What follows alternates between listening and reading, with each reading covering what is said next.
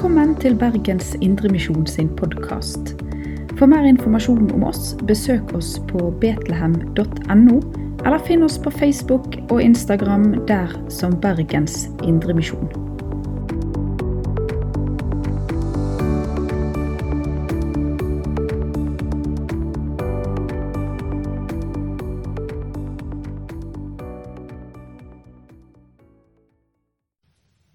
God søndag, alle sammen.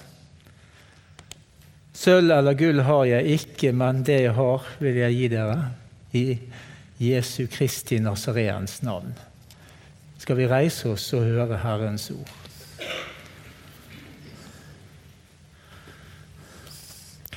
Det står skrevet hos evangelisten Markus i det første kapittel. En mann som var spedalsk, kom til Jesus, falt på kne og ba om hjelp. Om du vil, kan du gjøre meg ren. Jesus fikk inderlig medfølelse med ham, rakte ut hånden og rørte ved ham. Jeg vil, sa Jesus, bli ren. Med det samme var spedalskheten borte, og mannen ble ren. Jesus talte strengt til ham og sendte ham straks bort. Se til at du ikke sier et ord om dette til noen, sa han. Men gå og vis deg for presten og bær fram de offer for renselsen som Moses har påbudt. Det skal være et vitnesbyrd for dem. Mannen gikk av sted og ga seg til å fortelle om det som hadde hendt, og gjøre nyheten kjent vidt og bredt. Derfor kunne Jesus ikke lenger vise seg i noen by. Han holdt til utenfor byene på øde steder. Men folk kom til ham fra alle kanter. Slik lyder Herrens ord. La oss be. Himmelske evige Gud og Far, hellig oss i sannheten. Ditt ord er sannhet. Amen.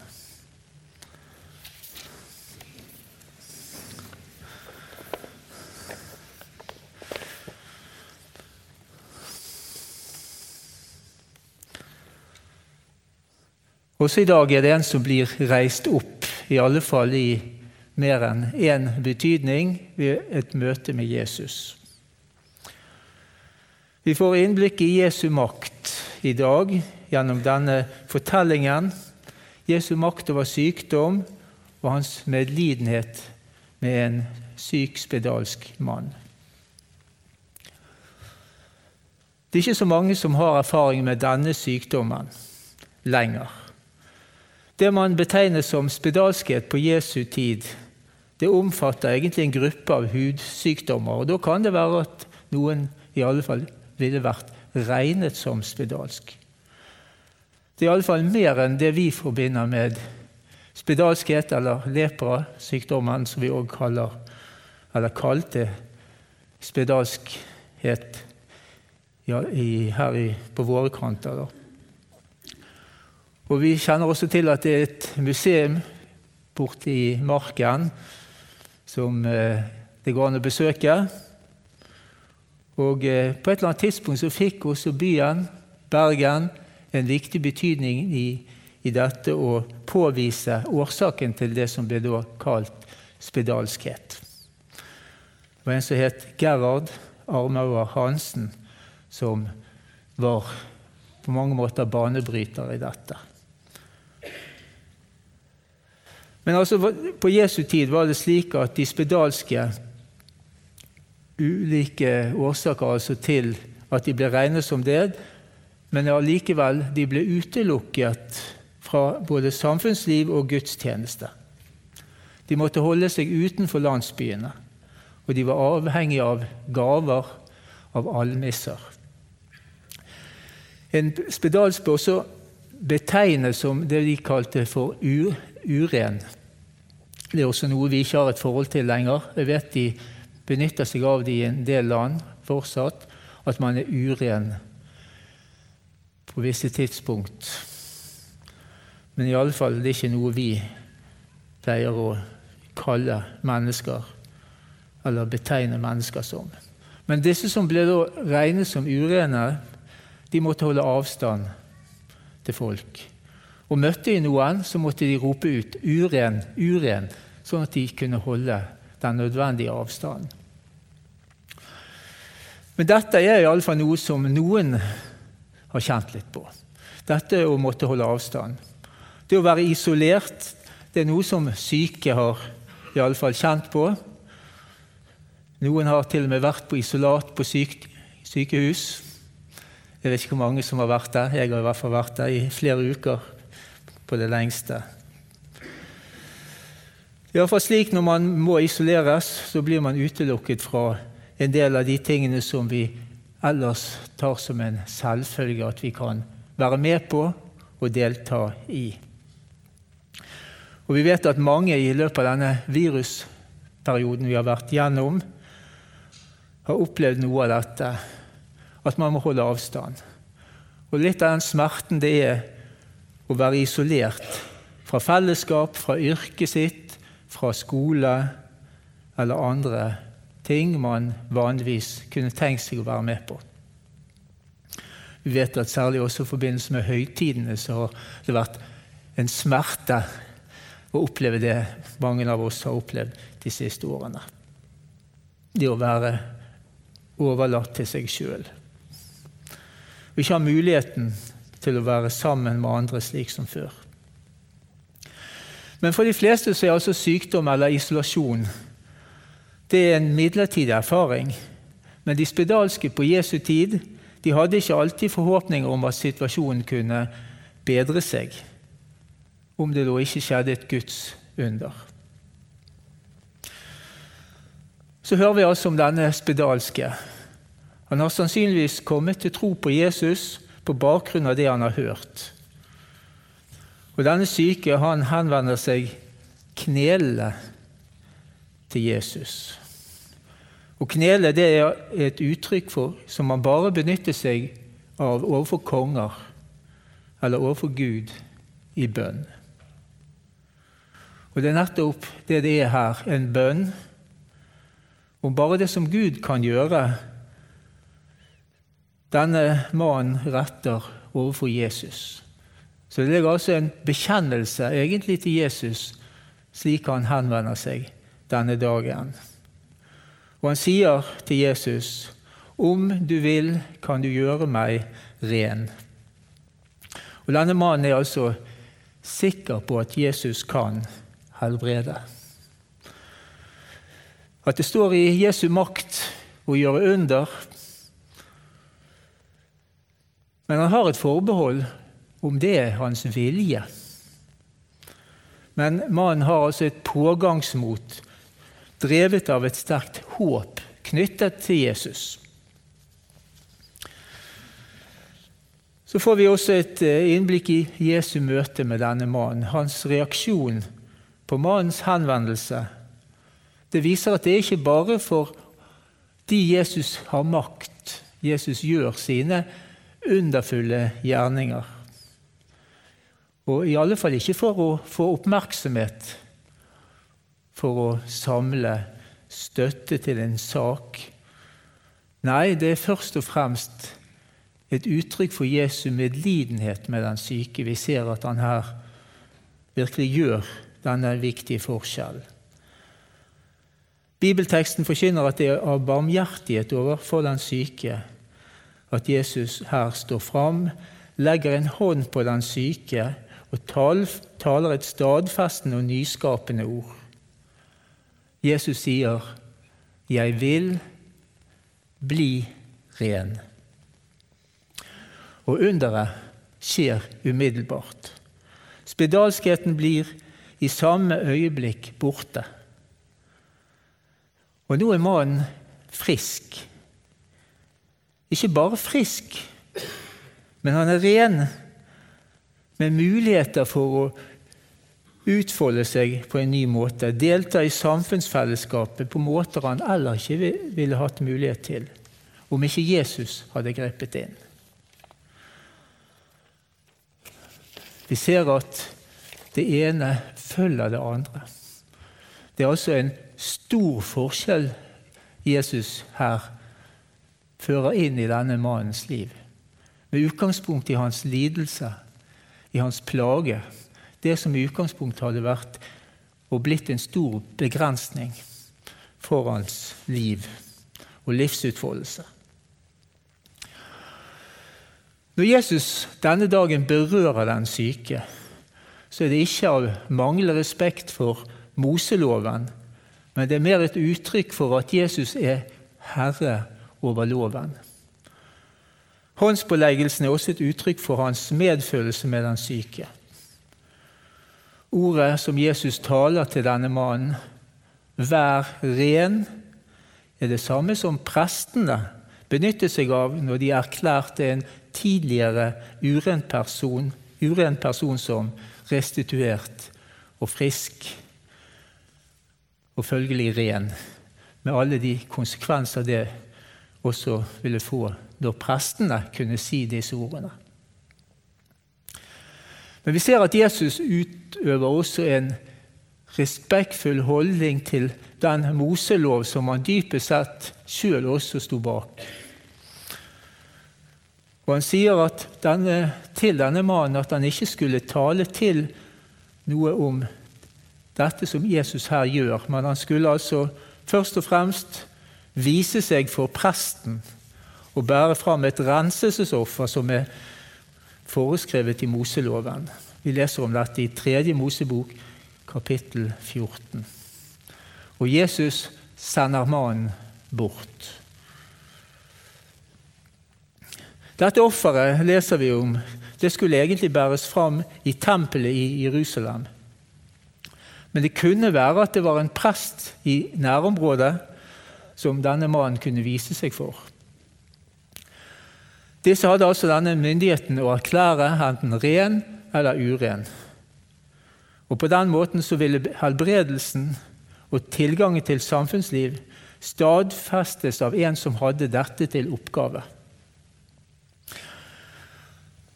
Og Vi må tenke om dette at Jesus her pålegger mannen dette først og fremst som et vitnesbyrd om at Jesus har et tro mot Moselovens forskrifter.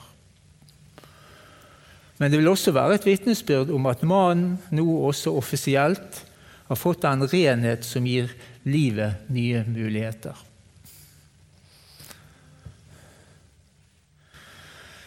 Men vi leser videre at den spedalske han ga seg til å fortelle om det Jesus hadde altså gjort.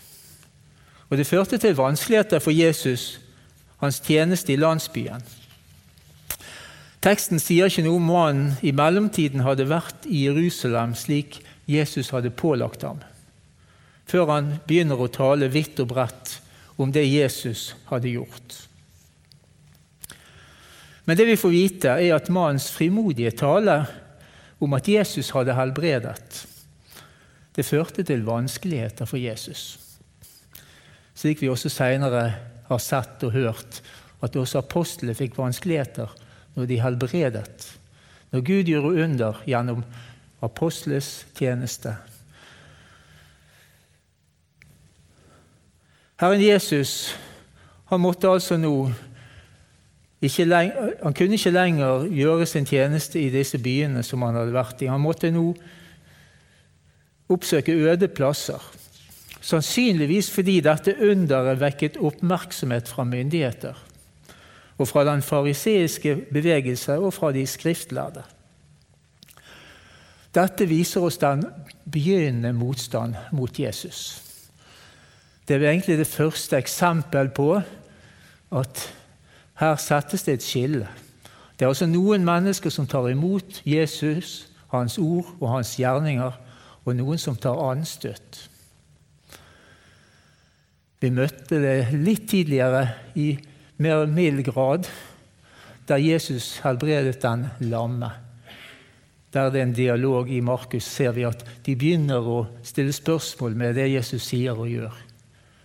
Der talte han jo altså et tilgivende ord der han tilsa denne mannen syndenes forlatelse.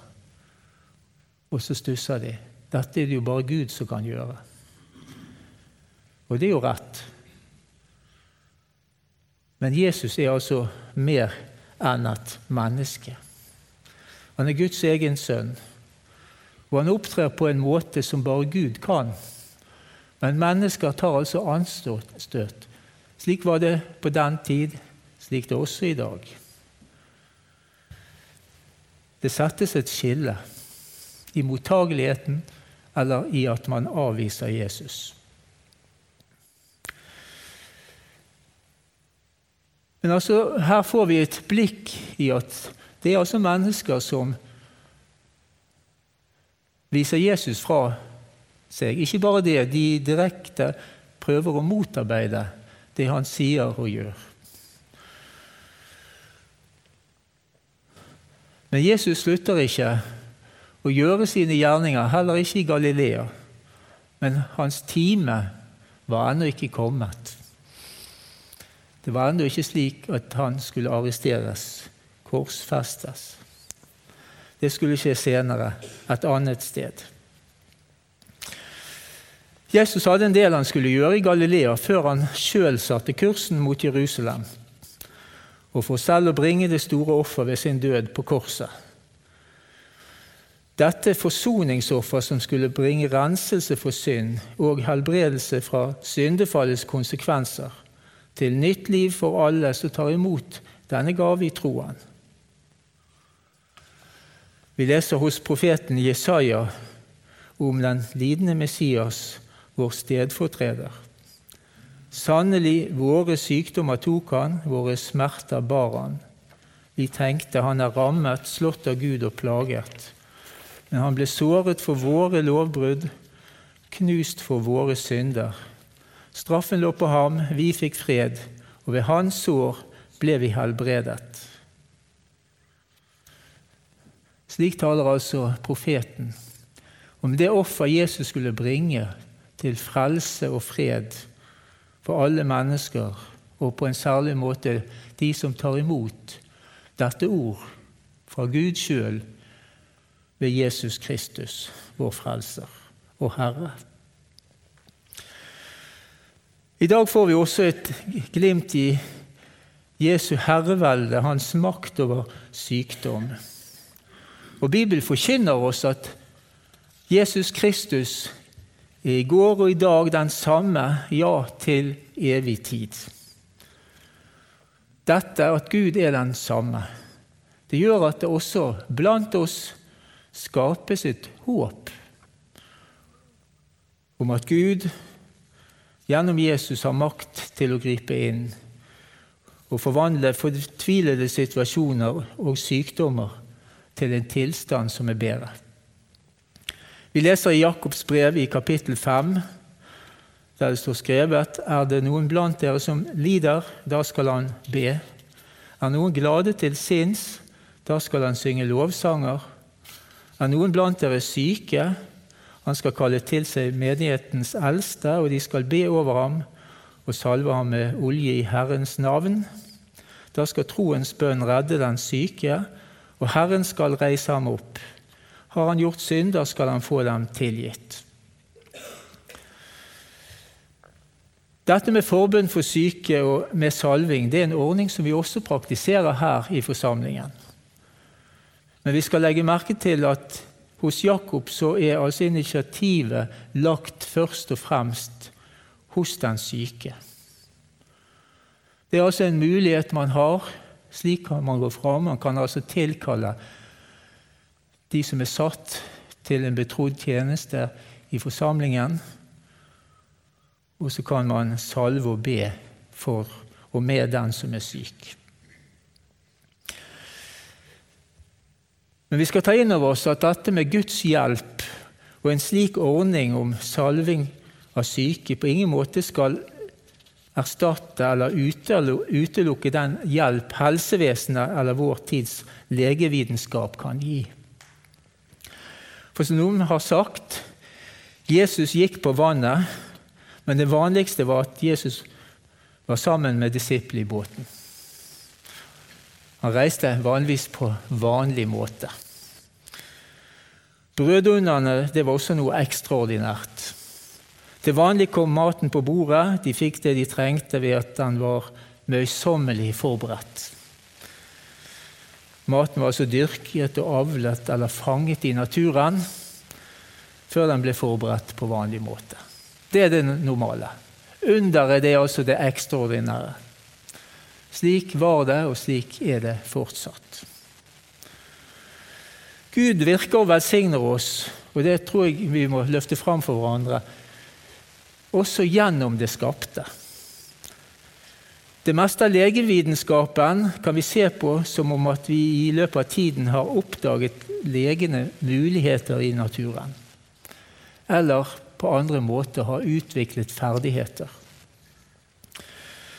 Og Slik var det også på et tidspunkt at de kunne helbrede leprasykdommen etter at denne Armauer Hansen oppdaget at det var en bakterie som var en årsak til at mange på vår kant av landet var plaget av denne stigmatiserende sykdom. Da ble det altså mulig å vi kunne si ved Guds hjelp komme med helbredelse gjennom naturlige legemidler. Ellers er det jo slik at den som er syk, vanligvis opplever en viss usikkerhet. Man rystes litt ut av det normale. Mange spørsmål vil dukke opp. Vil jeg bli frisk igjen, eller er dette slik at det bare vil gå én vei? Vil medisinen virke? Det er jo ikke alltid slik heller, selv om man kommer til lege. Det vil alltid være en viss usikkerhet i møte med sykdom. I dette så ligger det for en som har fått høre om Jesus, et kall til å be. Liksom denne spedalske rette sin nød, legge sitt liv enda en gang framfor Gud i bønn. Og Vi skal ta denne spedalske med oss som et forbilde. Han sier ikke bare 'nå må du gjøre meg frisk', men han sier 'om du vil, kan du gjøre meg ren'.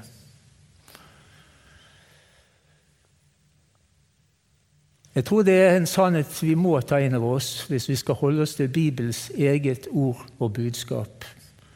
Også i Fader vår så ber vi, det er en del av våre bønner, Skje din vilje som i himmelen, så òg på jorden. For den som har sin sak i orden med Gud, som har fått et tillitsvitt forhold til sin skaper og Herre, så kan du be denne bønnen skje din vilje, i tillit til at Gud sørger for og har full kontroll,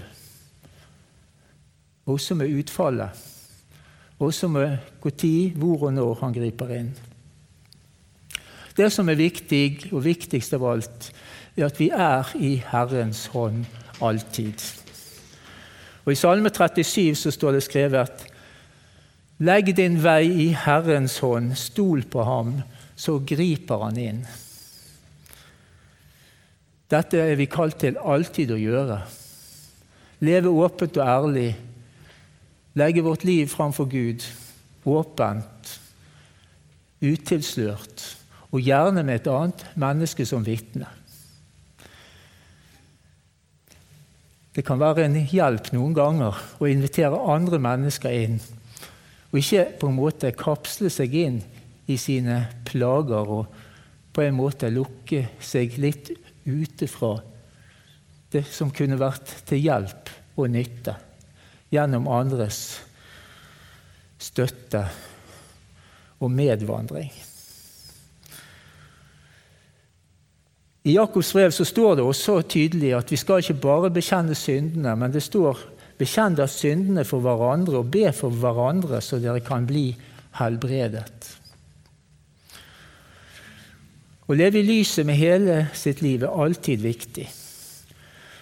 Det betyr ikke at når vi leser disse ordene, tekstene fra Jakob, at det er personlig synd som er årsaken til sykdommen, og at man derfor blir oppfordret til å bekjenne sine synder.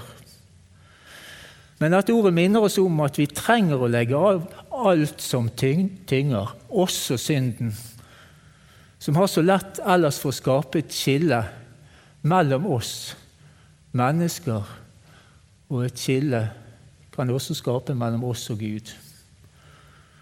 Vi skal leve åpent og ærlig. Vi skal bekjenne våre synder, slik det også står skrevet i 1. Johannes brev, med et løfte. Dersom vi bekjenner våre synder, er Gud trofast og rettferdig, så han tilgir oss syndene og renser oss for all urett. Og blodet fra Jesus renser oss for all synd. Dette er noe som vi kan både lese og praktisere i småfellesskap overfor hverandre. Det ligger altså et løfte knyttet til der to eller tre er samlet i Herrens navn. Der er Han midt iblant. Når ordet får lyde, og når ordet blir tatt imot, så er Gud til stede og gjør sine gjerninger. Og på en særlig måte så opprettholdes vårt forhold til Gud nettopp gjennom dette ord, i dette paradoksale møtet. Den syke blir frisk, synderen blir tilgitt.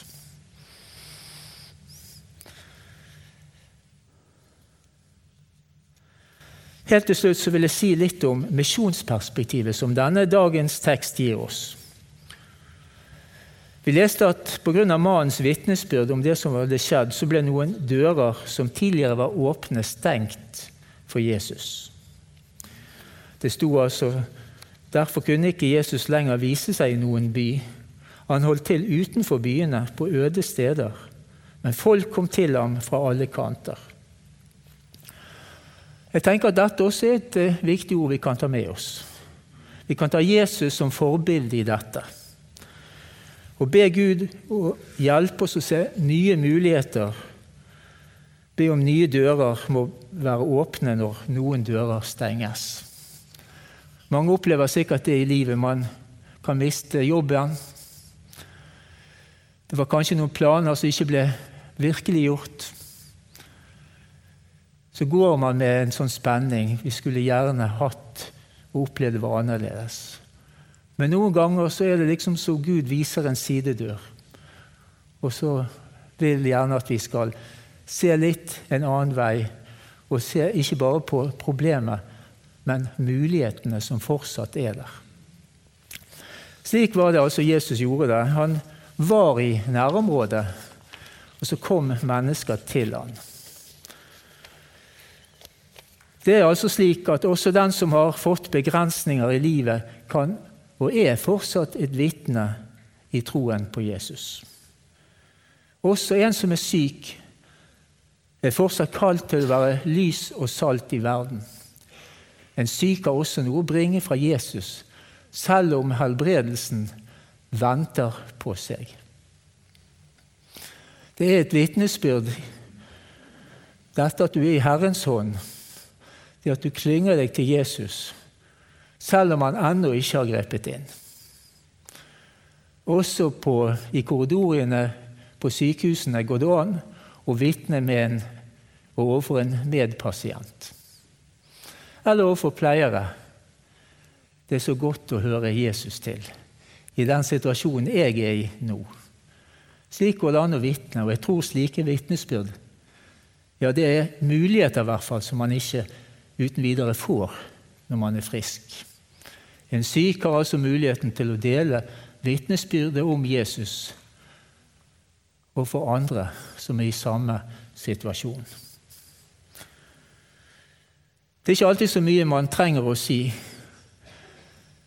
Det er godt å kunne hvile i Herrens hånd.